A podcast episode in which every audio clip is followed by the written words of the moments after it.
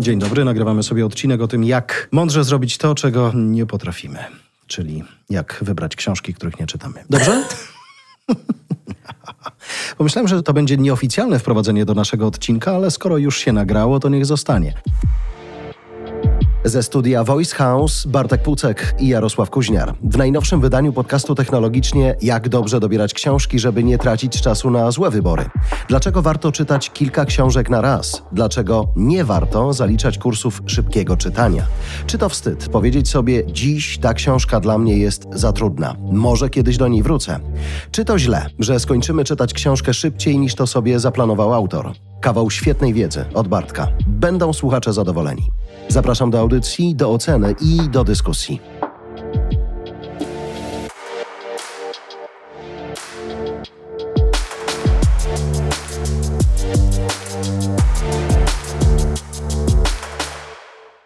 Jak duży masz stos książek leżących koło twojej szafki nocnej albo na szafce nocnej, których nie czytasz? Na pewno kilkadziesiąt. Ja naraz czytam więcej niż jedną książkę. Ten stosik kilkadziesiąt. Ale to jestem z tym w zupełności okej. Umiesz się przełączyć między jedną a drugą opowieścią? Tak, bo są różne rodzaje książek, które czytam i w zależności od kontekstu, czasu, miejsca sięgam po taką książkę, która akurat odpowiada tej potrzebie. Dlatego, że nie ma jednego rodzaju książki, tak samo jak nie ma jednego rodzaju dobrego momentu do czytania. Też są różne powody, dla których czytamy określone książki. Na koniec dnia książki, czyli jak należy myśleć o książkach, i dlatego będziemy nagrywać bardzo długi podcast, Jarku, w tym temacie. Zapinam pasy. Książki to są proteiny i w ten sposób przynajmniej ja podchodzę do tematu książek. Czyli proteiny, białka to są łańcuch aminokwasów, aminokwasy są budulcem białek, białka są niezbędne dla struktury i funkcji żywych komórek, białka są potrzebne do wzrostu, do naprawy tkanek, do regulacji funkcji komórek. Ergo, białka są również głównym źródłem energii dla organizmu. Książki są jednym ze źródeł energii dla naszego umysłu. Zależy jakie. Oczywiście, że zależy jakie. I teraz, podobnie jak w przypadku konsumowania różnego rodzaju treści, dla mnie książki są proteinami, ponieważ jest to dla mnie równoznacznik rozmów jeden na jeden z kimś, być może obejrzenia jakiegoś filmu, ale na przykład media społecznościowe, czy telewizja, czy newsy nie są dla mnie proteinami. W wielu przypadkach mogą być nawet fentanolem Czyli wirusy. czyli czymś, co szkodzi, a niekoniecznie przynosi korzyść. Podobnie może być z książkami, ale w przypadku książek jest łatwiej, dlatego że jeżeli masz kontrolę nad tym, co wybierasz do czytania, to zazwyczaj pracujesz nad jakością, czyli nad wyborem właściwych książek. Dlatego, że podobnie jak w przypadku wszelakich innych treści, większość książek to również strata czasu. Jak spojrzysz na listę najpopularniejszych książek sprzedawanych w wielu krajach, ale na przykład w Polsce i wylistujesz sobie tam top No 50, to ten Empiku. Weźmy top 50, to istnieje duże prawdopodobieństwo, że większość, przynajmniej kilkanaście okładek tych książek to będą mężczyźni z gołymi klatami i jakimś elementem kobiecym. Jest No to, ale dla są niektórych to, to mogą być proteiny, hej. No. to nie będą proteiny, to będą pączki. Dlatego, że książki możesz wybierać beletrystykę, która może zabrać cię w jakąś podróż, czy to intelektualną, czy uczuciową, czy emocjonalną. Możesz wybierać książki profesjonalne, które służą twojemu rozwojowi na danym etapie, czyli mogą być różne kategorie książek. Natomiast ja uważam, że o książkach należy myśleć troszkę inaczej, dlatego że książki przede wszystkim, czyli jeżeli wyjmiemy z tego beletrystykę, znaczy to nie jest przypadek w ogóle, że książki na przykład science fiction czy książki fantasy są bardzo popularne i często czytane w branży technologicznej. Wiele osób, które później jest przedsiębiorcami, zaczytuje się w książkach fantastycznych, czy w szczególności w książkach science fiction. Część branży komputerowej też brała się z tego, że jest pewna wizja narysowana przez pisarzy science fiction, a później te fantazje, te wyobrażenia są urzeczywistniane W w postaci gier, w postaci produktów, tych, które kupujemy, w postaci oprogramowania, w postaci rozwiązań związanych ze sztuczną inteligencją. Ale jeżeli mówimy w ogóle o książkach jako o sposobie pracy nad sobą, czyli konsumujemy te książki, żeby poszerzać swoje horyzonty, żeby się rozwijać, żeby rozwijać swoją wiedzę, to trzeba pamiętać, że rozwijanie wiedzy polega na tym, że najpierw trzeba mieć bardzo dobre podstawy wiedzy, a dopiero później je rozwijać. I większość książek, które powinniśmy konsumować, powinna służyć najpierw ogarnięciu wiedzy podstawowej w sposób bardzo dobry, a dopiero później rozwijania dalej. Podoba mi się ta konstrukcja, trochę takiego domu, nie? że jakby zbudujesz pierwsze, drugie, trzecie piętro, ale jeżeli nie masz dobrego fundamentu, to i tak to runie. Tylko, że zabieramy się jako dorośli ludzie za czytanie książek, a ten background mamy zbudowany przez kanony, najczęściej lektur, albo własne kanony, które być może przez lata dojrzewania układaliśmy sobie zupełnie inaczej. No, chciałbym, żeby to było przez kanony, a wydaje mi się, że raczej to jest przez rankingi. Okay. Czyli raczej w tej chwili kupowanie książek czy konsumowanie książek polega na wybieraniu przez ich popularność a nie przez to, jaki dają efekt. Dlatego, że czas może przewidzieć wartość, czyli podczas gdy produkty i ludzie mają na przykład matematyczną długość życia, która maleje z każdym dniem, to książki, dobre książki mają odwrotnie. Dlatego, że zwiększają swoją długość życia z każdym dniem. I raczej jest coś takiego, co jest bardzo dobrze opisane w książkach Omen Omen Taleba, jak efekt Lindiego, czyli im coś jest dłużej obecne, tym większą zyskuje wartość. To jest takie powiedzenie, że co było, będzie trwać. I ja książki dzielę na książki Lindy i nie Lindy. Lindy to? Lindy, czyli to jest ten efekt Lindiego. On się opiera na takiej francuskiej idei, ale opisany w książce Antifragile Nicolasa Taleba, tak? czyli dla czegoś nietrwałego każdy dodatkowy dzień w jego życiu przekłada się na krótszą dodatkową długość tego życia. Dla książek czy przedmiotów, które mają ten efekt Lindiego, każdy dodatkowy dzień oznacza dłuższą oczekiwaną długość życia, czyli z czasem ich wartość zwiększa się. I teraz wracając do kanonów. Bardzo często książki, które są popularne, to książki typu to jest obecnie numer jeden na liście sprzedaży z jakiegokolwiek powodu. Dobry marketing, być może to jest interesująca książka i tak dalej.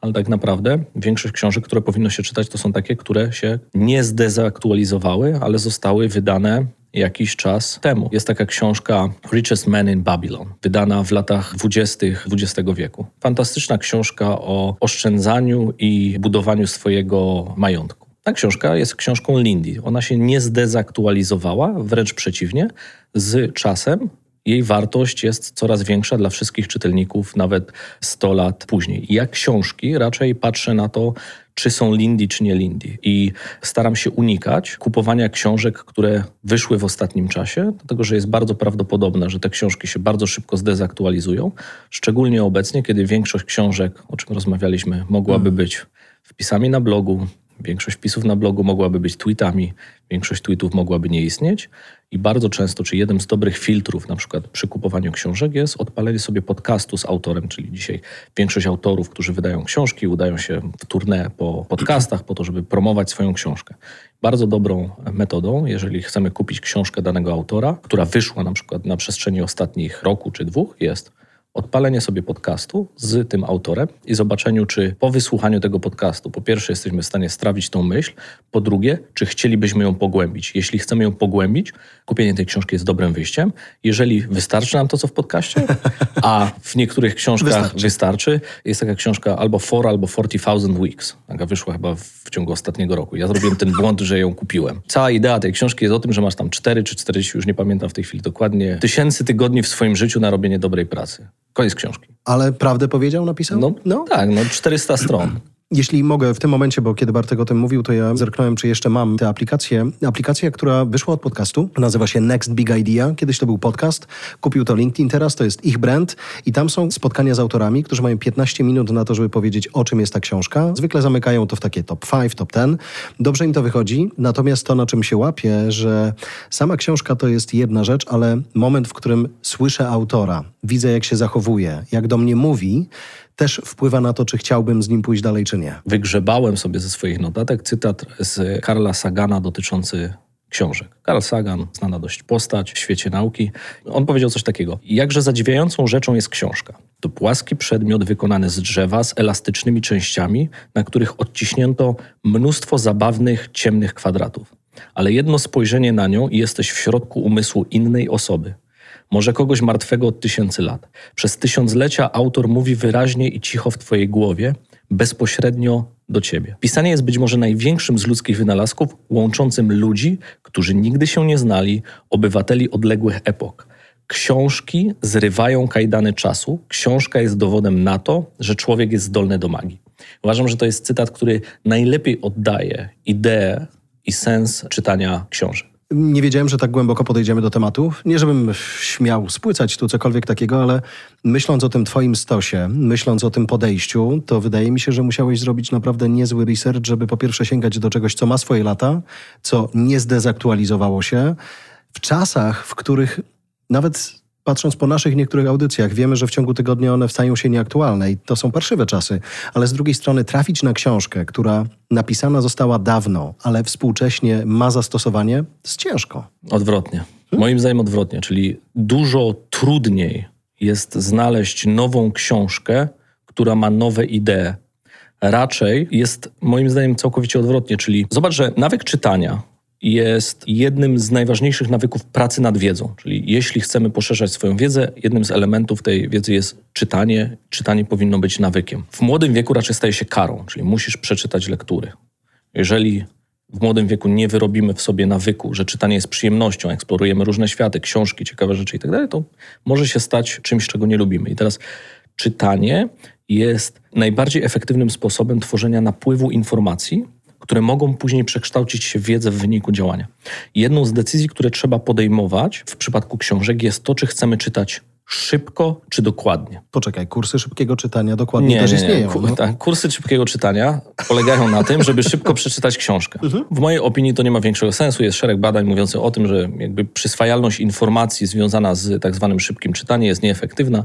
Darowałbym sobie te tematy okay. i rozumiem, że spotkam się z szeroką krytyką ludzi sprzedających kursy szybkiego czytania, ale whatever. Szybko czy dokładnie, ale co to znaczy szybko w tym przypadku? To nie jest kurs szybkiego czytania, tylko mam określony problem do rozwiązania, biorę książkę, która adresuje ten problem i postanawiam w niej wyszukać informacje. To jest dla mnie rodzaj szybkiego czytania. Sięgam do określonego rozdziału, w którym ten problem jest opisany, biorę tą informację, próbuję ją wykorzystać. Decyzja, czy dokładnie, to jest bierzesz książkę, jesteś w stanie tą książkę przeczytać na przykład w 6 godzin, ale spędzasz nad nią dwa tygodnie, czasami nawet dłużej. I jest taka książka, która nomen omen jest zakazana w więzieniach, amerykańskich przynajmniej. Śmiało. 48 Laws of Power, Greena. Fantastyczny autor, polecam każdą książkę tego człowieka. Moim zdaniem jest to jeden z najlepszych książek, jakie można przeczytać. Akurat ta 48 Laws of Power, moim zdaniem to powinna być lektura obowiązkowa dla każdej osoby.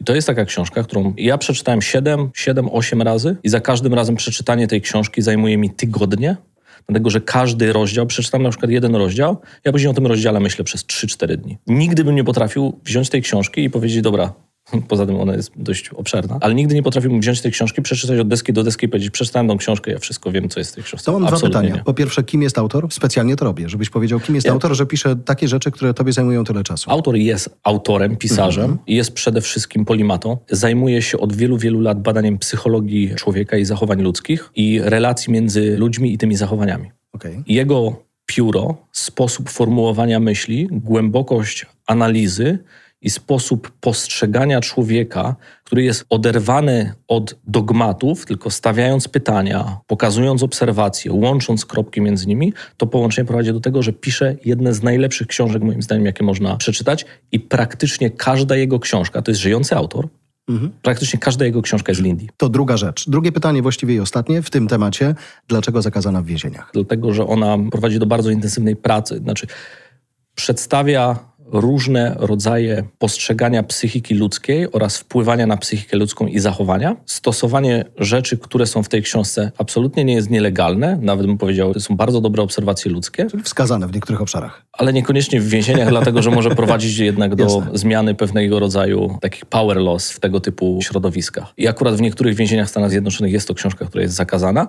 Natomiast ja ją polecam każdemu. Na wolności, chodzącemu. Pytanie, skoro tak długo po nią sięgasz, tak długo z nią jesteś, robisz notatki czytając? Absolutnie. Są dwa rodzaje książek, czyli jeszcze to, o czym nie rozmawialiśmy, to jest gdzie czytamy książkę, bo możemy czytać ją w formacie elektronicznym, mm, no tak. tak. na jakimś Kindle, iPad i tak dalej, a na jakimś czytniku i możemy czytać ją w papierze. Ja wszystkie książki profesjonalne czytam w formie elektronicznej z racji tego, że wykonuję horrendalne ilości notatek, które później synchronizują się z moim komputerem i do których mogę mieć dostęp w każdej chwili.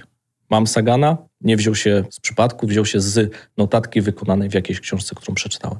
Natomiast książki, które są książkami Lindy, nie czytam ich na czytnikach, czytam je w wersji papierowej. I to jest dla mnie takie główne rozróżnienie pomiędzy formatami. Bardzo ciężko byłoby mi czytać książki, które są Lindy w formie elektronicznej, ponieważ potrzebuję innej formy skupienia do tych książek, potrzebuję do nich usiąść na dłużej i chciałbym, żeby idee, które są zawarte w tych książkach, nie były tylko i wyłącznie, ja sobie podkreślam tam oczywiście pewne rzeczy, zaznaczam i tak dalej, ale chciałbym, żeby to były rzeczy, które zostają ze mną na długo, niekoniecznie w formie notatki, tylko w kontekście idei, która zmienia albo poprawia sposób, w jaki ja myślę i funkcjonuję. Nieźle.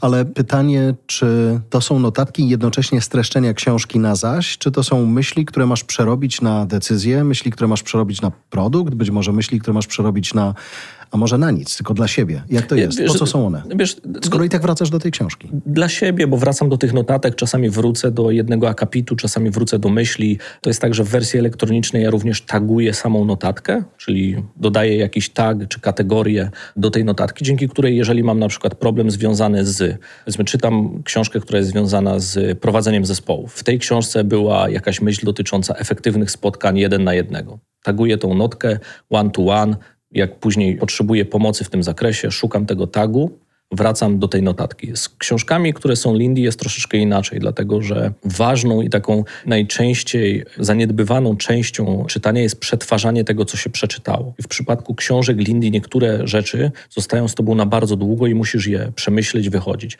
Bardzo ważna książka, czyli rozmyślania Marka Aureliusza. To nie jest książka, że podejdziesz z podkreślaczem, no nie? I to jest fajny cytat i zapiszmy sobie gdzieś tam i to wszystko, tylko czytasz jeden rozdział no i prawdopodobnie zostanie ta myśl z tobą być może do końca życia, być może na najbliższe dwa tygodnie, być może na miesiąc, a być może z całej książki. Ja akurat rozmyślania Marka Aureliusza przeczytałem pewnie kilkanaście razy, ale za każdym razem, kiedy sięgam po tą książkę, inna część, inna myśl, inny rozdział zostaje ze mną, a książka była napisana dość dawno temu. Podoba mi się to, że ta poprzeczka jest bardzo wysoka. W ogóle nie wiem, czy ja mam taką tyczkę, żeby tam wskakiwać, ale spróbujmy. W jaki sposób decydujesz się, co czytasz? Kto ci wskazuje te książki albo w jaki sposób sam sobie je wskazujesz? Bardzo często są rekomendacje. Jeżeli mówimy o książkach, które są nowsze, to wtedy, tak jak powiedziałem, dobrą praktyką jest przede wszystkim przesłuchanie podcastu z autorem albo obserwacja tego, co autor publikuje na przykład w internecie. Bardzo dobrym przykładem naprawdę świetnej książki, mm. która moim zdaniem jest z Lindy, a została napisana w przeciągu ostatnich kilku lat, to jest Atomic Habits Jamesa Cleara. Prawdopodobnie jedna z najlepszych, jeśli nie najlepsza książka kiedykolwiek napisana o budowaniu nawyków,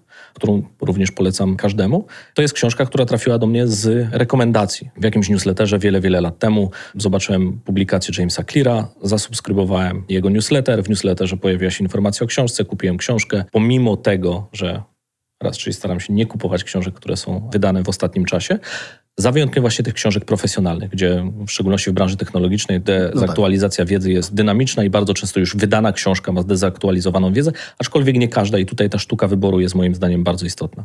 Myślę, że teraz to jest dobry moment, żebym o tym wspomniał. Kiedyś, i to mnie zachwyciło w sumie, trochę zdumiało, trochę zachwyciło.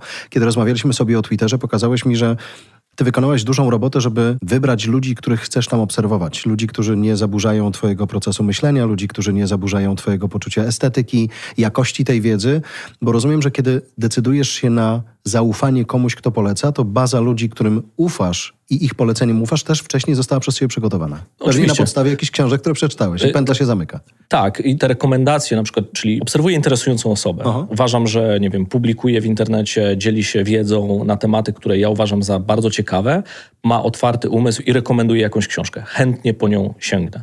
Jest też tak, że czasami są też listy rekomendacyjne w jakichś dziedzinach, tak? czyli są publikowane, nie wiem, osoba, którą ja uważam za ciekawą, publikuje lista, nie wiem, dziesięciu książek, którą przeczytałem w ostatnim roku, która jest ciekawa. Sam na swojej stronie internetowej gdzieś tam być może jest, być może jest ukryta, pucek.com książki. Tak? Mhm. Mam listę kilkuset książek, które przeczytałem. Ona nie była aktualizowana, wydaje mi się, od dwóch lat, ale jest tam rekomendacja na przykład dwudziestu kilku książek, książek, które uważam, że każdy powinien przeczytać. Otwarta jeszcze. I jeżeli wejdziesz sobie, patrzysz na tą listę i powiesz, ok, ta książka mnie zaciekawiła, jej opis mnie zaciekawił, być może przeczytałem spis treści, być może jakieś rekomendacje. Jezus, I... jestem na 76. Ty jesteś wariat. Cyfrowy mol. Dobra. Mul, mol. E, niech będzie mul mol, ale przeczytałeś je wszystkie? Tak. To nie są wszystkie, bo powinno być jeszcze 250, a mi się nie chce tego przepisywać. Nie, no to zrozumiałe, oczywiście mam to samo. 197, 213, 235, także zdążycie. Ostatnia, The Psychology of of Human Misjudgment. Speech at Harvard Law School by Charles Munger.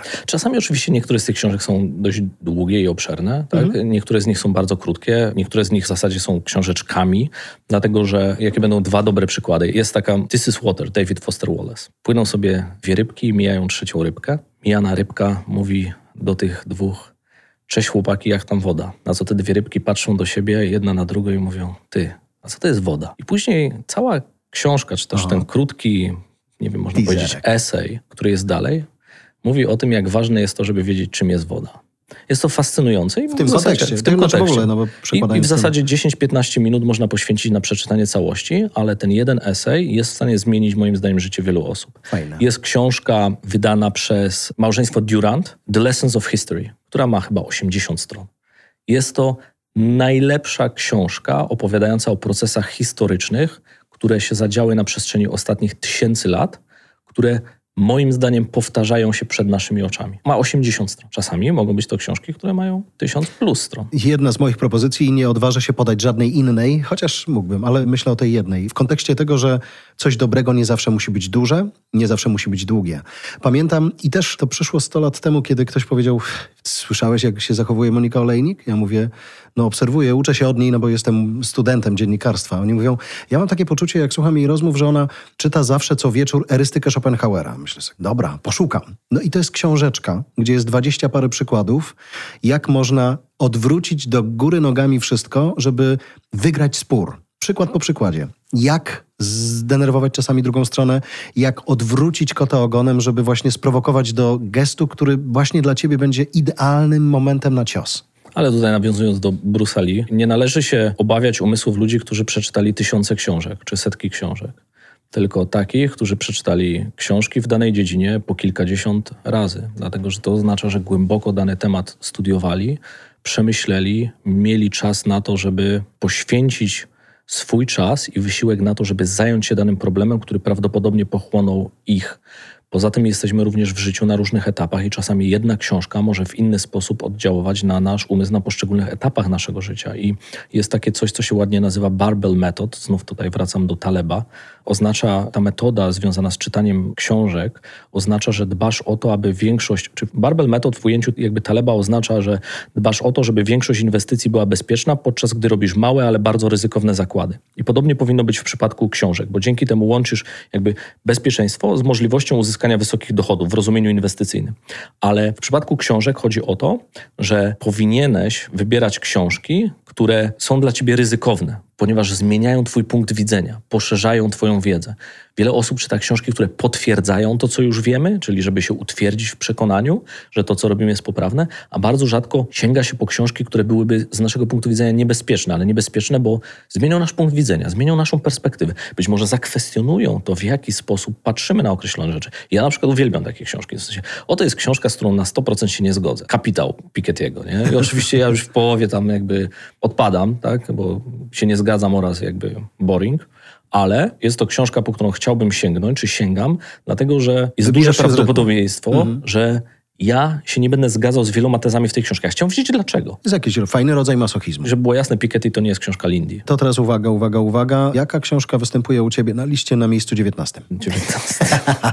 Total Freedom. The Essential Chris Manturi by Chris Manturi Jidu. Tak, to co jest fascynujące w przypadku czytania książek, że oczywiście my z racji kulturowych jesteśmy raczej nastawieni na czytanie książek, które znamy z punktu widzenia zachodniej kultury. Bardzo mało się czyta książek, które zostały wydane w Azji. Powiedzmy, że jakieś rzeczy związane z Japonią, czy publikowane w Japonii, być może w Chinach mniej. Indie to już w ogóle nie istnieją, a mają fantastyczną kulturę związaną z książkami, zarówno po stronie beletrystycznej, jak i po stronie takiej, bym powiedział, rozwojowej czy profesjonalnej. Aczkolwiek są rzeczy, które dla mnie są absolutnie niezrozumiałe, dlaczego nie zostały wydane w Polsce. Tak? Jest na przykład książka Musashi, ogromna tysiąc plus lekko stron o japońskim samuraju, Yoshikawa autorem i ta książka nigdy nie została wydana w Polsce. Jest to jedna z najlepszych książek napisanych na świecie. Period. W sensie, moim zdaniem w top 20 najlepiej napisanych książek na świecie. Nigdy nie została wydana. I tutaj jeszcze jest jeden aspekt, który chcę dotknąć, to jest aspekt językowy. Wiele bardzo dobrych książek, i nie mówię wydanych na no, przestrzeni no. ostatnich dwóch lat, tylko wydanych kiedykolwiek, nie została nigdy wydana w Polsce. Ale uznano, że polskie mózgi nie Nie zasługują. uznano, że się nie sprzeda, Okej. czy z jakikolwiek No, no, no, inny no. powód jest do tego, jest zbyt niszowe, czy cokolwiek innego. I dlatego w ogóle czytanie książek, jednym z głównych problemów związanych z czytaniem książek jest to, że moim zdaniem też na jakimś etapie trzeba dokonać tej zmiany, w której zaczynasz czytać książki w języku obcym. Ja na dzień dzisiejszy, za wyjątkiem beletrystyki, I tu mam jeszcze dużo argumentów dotyczących jakości tłumaczeń. Nie czytam w języku polskim. Nie czytasz po polsku, dlaczego? Z kilku powodów. Pierwszy jest taki, że jakość tłumaczeń zazwyczaj jest i niestety bardzo słaba. I zarówno w beletrystyce, ale w literaturze profesjonalnej to już w ogóle. Mhm. Z drugiej strony wiele z tych tytułów nie jest wydawana w Polsce, to jest drugi powód, czyli chcę sięgnąć po książkę, patrzę, czy jest została wydana w Polsce i okazuje się, że nie. Z drugiej strony kolejnym argumentem będzie to, że część z tych książek jest wydawana bardzo późno, czyli ja już zdążę ją przeczytać w oryginale, a kilka lat później ona się pojawia dopiero na rynku polskim. I wydaje mi się, że dzisiaj jednym z naprawdę takich ważnych rzeczy, których przynajmniej trzeba spróbować, nawet jeżeli nie czujemy się w pełni poprawni językowo, to usiąść do tej książki Jasne. w języku angielskim, po prostu spróbować. Szczególnie, że to może też pomóc w rozwoju naszego angielskiego. 100%. Ale w takim odcinku podcastu, do którego Was serdecznie zapraszamy, on dotyczył września i powrotu do pracy, do szkoły, ale tam też Bartek właśnie słusznie powiedział, że jakby nie ma co dyskutować z najważniejszą kompetencją fundamentalną, czyli znajomością języka angielskiego. Niezależnie od tego, czy będziecie szukali pracy tu czy tam, niezależnie od tego, jak będziecie chcieli zdobywać wiedzę, im więcej im lepszego angielskiego w was, no tym nagle ta biblioteka może być po prostu szersza. Tak i przede wszystkim wtedy przez to, że ta biblioteka jest szersza, że masz dostęp do tej wiedzy w łatwiejszy sposób, w szybszy sposób, w oryginalny sposób, czyli wiesz, w jaki sposób autor napisał bez tego problemu związanego z tłumaczeniem, to też Twoja relacja z czytaniem jest inna. Bo zobacz, że dzisiaj albo czytanie książki jest raczej zanurzaniem się w innym świecie. Czyli czytasz książkę, jeżeli masz możliwość skupienia się, zanurzasz się w innym świecie. Natomiast większość procesów związanych z czytaniem i konsumowaniem dzisiaj jest raczej bieganiem po supermarkecie. Trochę tak. tak. Czyli jak najszybciej wybrać rzeczy, które potrzebujesz po to, żeby wyjść ze sklepu. Kiedy ta zmiana ma miejsce, to twój koszt przyswojenia tej wiedzy jest zupełnie inny nawet jeżeli książka jest konsumowana oczywiście na czytniku w formie cyfrowej. I zobacz, że to ma też efekty uboczne, dlatego że było kiedyś takie badanie, w którym podzielono ludzi na dwie grupy. Jedna otrzymała informacje, czyli dwie grupy otrzymały te same informacje. Jedna otrzymała informacje w drukowanej książce, a druga te same informacje na ekranie. Następnie wszystkim osobom w tym badaniu zaczęto zadawać jakby pytania dotyczące tego, co właśnie przeczytali. I kiedy to zrobiono, okazało się, że ludzie rozumieją i zapamiętują mniej z tego, co wyświetliło się na ekranach. Jest wiele dowodów naukowych, które mówią o tym, że jest coś takiego, co się nazywa screen inferiority. To jest luka w rozumieniu pomiędzy książkami a ekranami. Jest ona na tyle duża, że na przykład u dzieci stanowi równowartość dwóch trzecich rocznego przyrostu umiejętności czytania. I to jest 50 plus badań zostało zrobionych w tym temacie. Czyli jeżeli jest dziecko w szkole podstawowej i dajesz dziecku czytnik do czytania, a dajesz dziecku książkę do czytania, to jeszcze raz, różnica jest taka, która stanowi równowartość dwóch trzecich rocznego przyrostu umiejętności czytania. I teraz tobie się wydaje, że no świetnie, dalej czytasz książki, ale różnice są ogromne w ciągu roku. U dziecka to samo jest w przypadku osób dorosłych. Dlatego jest tak ważne zrozumienie nie tylko tego, co czytamy, ale też w jaki sposób czytamy i jakie rzeczy czytamy na czym. Jeżeli ja potrzebuję przyswoić pewnego rodzaju informacje na szybko, na szybko wracam do mojej definicji szybko, a nie w rozumieniu szybkiego czytania, to przychodzę z tym czytnikiem, podkreślam rzeczy, analizuję, robię notatki, ale jeżeli ja potrzebuję dogłębnego zrozumienia danego problemu, który mnie fascynuje, który kwestionuje moją wiedzę w jakiś sposób i sięgam do tej książki, biorę tą książkę w wersji papierowej, ja sobie coś podkreślę, ja sobie coś zaznaczę, zagnę sobie stronę, napiszę sobie spokój i tak dalej. Obleję. Nie, też, też, ale zrobię to w tej wersji papierowej. I bardzo często jest tak, że ja czasami niektóre książki kupuję w obu formatach, czyli kupię w formie papierowej czy elektronicznej, a później dokupuję drugą dlatego że być może przeczytałem papierową i mówię, ok, ale tu są takie rzeczy, które jeszcze wykorzystam w tamtych miejscach, kupuję wersję elektroniczną, podkreślam, być może czytam drugi raz, ale to są zazwyczaj książki, które wiem, że przeczytam Jasne. więcej niż jeden raz. To dopytam cię jeszcze, bo mówisz o tym, na czym, jak to wpływa, natomiast gdzie czytasz albo może są jakieś takie badania pokazujące i sugerujące, na ile musimy być skupieni, na ile musimy zadbać o tę przestrzeń, na ile różne książki wymagają różnego miejsca do tego, żeby ich czytanie miało sens. Kiedyś, jak próbowałem czytać więcej, i miałem kiedyś taki etap, żeby czytać dużo, dużo więcej, czyli czytałem mało i chciałem czytać więcej, to miałem zaplanowany czas w kalendarzu na czytanie. Teraz też mam, a wtedy miałem zaplanowany dużo więcej, ale teraz już jest czytanie z moim nawykiem, a kiedyś nie było i chciałem ten nawyk w sobie wyrobić, więc miałem czy w weekend, czy wieczorami w kalendarzu zaplanowane określone godziny na czytanie i podobnie jak możesz budować inne nawyki, blokujesz czas na to, żeby poświęcić go na czytanie książek. Teraz robię już to bardziej automatycznie, ale innego rodzaju książki, może inaczej. Poświęcam czas w weekend na te książki, które są bardziej lindy, bardziej papierowe, na których chciałbym się skupić, a wieczorami będą to książki, które może nie tyle są łatwiejsze, ale są szybsze w rozumieniu konsumpcji i potrzeby. No bo też jesteś po całym dniu, więc zakładam, że głowa po prostu inaczej przyswaja tak, wiedzę, nie? przeczytam też mniej, jestem, wiesz, czasami jest tak, że przeczytasz jeden rozdział, ten rozdział może być krótki, no ale potrzebujesz później godzinę po nim pomyśleć. No mm. i niekoniecznie wieczorem masz na to czas Czyli naturalne i, i jest siłę. brać to na raty. Tak i jednocześnie trzeba też pamiętać, że nie każdą książkę warto skończyć. Czasami w jednej książce będzie tylko i wyłącznie jeden rozdział interesujący. Czasami jest tak, że autor pisze trzy rozdziały wprowadzenia do jednego rozdziału, który jest esencją książki, a później jeszcze kolejne trzy rozdziały zamyka to i być może to jest ten jeden rozdział, który warto przeczytać i po prostu książkę odłożyć. Być może jest tak, że w danym momencie powiesz, ok, tutaj odpadam w tym momencie książki i ja wtedy sięgam po inną książkę. I wracasz do tej być później, może kiedyś. Być może kiedyś do tej książki wrócę i są jakieś książki, które mam nieprzeczytane, czy ja mam z tego powodu poczucie winy? Jasne, tak? W sensie nieskończona książka. Ale trzeba po prostu to przeskoczyć i zacząć czytać dalej, dlatego że zobacz, jakie jest porównanie, bo jeżeli celem dziennikarstwa jest to, żeby było czytane, to celem literatury i książek jest to, żeby były czytane ponownie. Dobra książka to jest taka, którą chciałbyś jeszcze przeczytać jeszcze raz. Skończyła się i mówisz, ach, dlaczego? Śmieję się, bo widzę te twoje wyniki oczami wyobraźni tego screena z Open Rate'u newslettera. Jeżeli jest powyżej 100, to znaczy, że wrócili. tak, tak. I wiesz, to jest dobry przykład, dlatego że to oznacza, że warto. Że coś, co tam było, ma ten efekt Lindy, czyli mogę wrócić do tego problemu, czy do tej myśli, spróbować ją skonsumować jeszcze raz. Zobacz, że wracając do tej idei związanej z książkami, które są bardzo aktualne, czyli poruszają na przykład aktualne problemy, problemy i one nie zawsze mogą być prawdziwymi tezami. Nie wiem, czy słyszałeś o, to się nazywa bicycle face z XIX wieku o takiej chorobie? Nie, nie, ale teraz wyobrażam sobie siebie w kasku zgiętego na moim bicyklu i... Jest lepiej.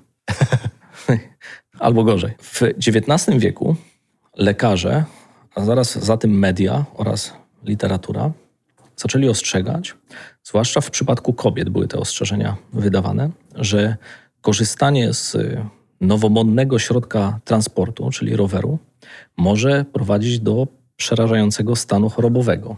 Stan ten został nazwany przez tych lekarzy, media i szeroką publiczność jako tak zwaną bicycle face, czyli rowerowa twarz. Czyli w wyniku jeżdżenia na rowerze nadmierny wysiłek, wyprostowana pozycja na kierownicy i ten nieświadomy wysiłek, który jest związany z jeżdżeniem na rowerze, żeby utrzymać równowagę, a pamiętaj, że to no, no, rower w no, miarę no, nowa tak, rzecz w tamtym jasne. czasie, mają tendencję do wytwarzania zmęczonej i wyczerpanej twarzy rowerowej. Tak lekarze tak, tak, tak, tak twierdzili. Dalej opisywano, że takie zarumieniona twarz, trochę blada, z ustami mniej lub bardziej ściągniętymi, ciemne cienie pod oczami, zawsze wyraz zmęczenia Jezu, po jeżdżeniu na rowerze, powoduje rowerową twarz. Z czego to się wzięło? Dana teza, która została w tamtym momencie opublikowana, z czego to się wzięło? Dlatego, że w Europie i w Stanach w XIX wieku rowery były postrzegane przez wiele osób jako narzędzie femi- feministyczne, A, feministyczne, czyli dały kobietom środek zwiększonej mobilności. Wcześniej kobiety no, raczej poruszały się wewnątrz swojej społeczności, no i nagle się okazało, że rowery dały możliwość podróżowania innym, ale w szczególności kobietom, zwiększyły ich mobilność, zaczęły na nowo definiować jakby te swoje potrzeby, idee dotyczące kobiecości, praw. Były też chętnie używane przez ruch sufrażystek. Pamiętasz zdjęcia czy tak, wideo tak, tak, ruch sufrażystek, rowery i tak dalej. I rowery pomogły również jakby podsycić te ruchy reformacyjne. No i w odpowiedzi na to powstał problem choroby rowerowej twarzy, która była oczywiście, wiesz, było the current thing, tak? czyli coś, na co się wszyscy w danym momencie oburzali. I oczywiście powstała na ten temat literatura, badania, media, wszystko napompowane i tak dalej. Ale to nie była prawda, to się zdezaktualizowało. To była bzdura. I teraz zobacz, jak mało osób myśli dzisiaj w kontekście książek, w kontekście publikacji, w kontekście mediów, w kontekście tego, co dzisiaj jest obecną narracją i właśnie w kontekście książek, co jest dzisiaj odpowiednikiem rowerowej twarzy. Bo możemy założyć, że jesteśmy 100 lat później i wszyscy jesteśmy tacy smart, że nikt już nie wymyśli problemu rowerowej twarzy, choroby rowerowej twarzy. Ale czy tak jest?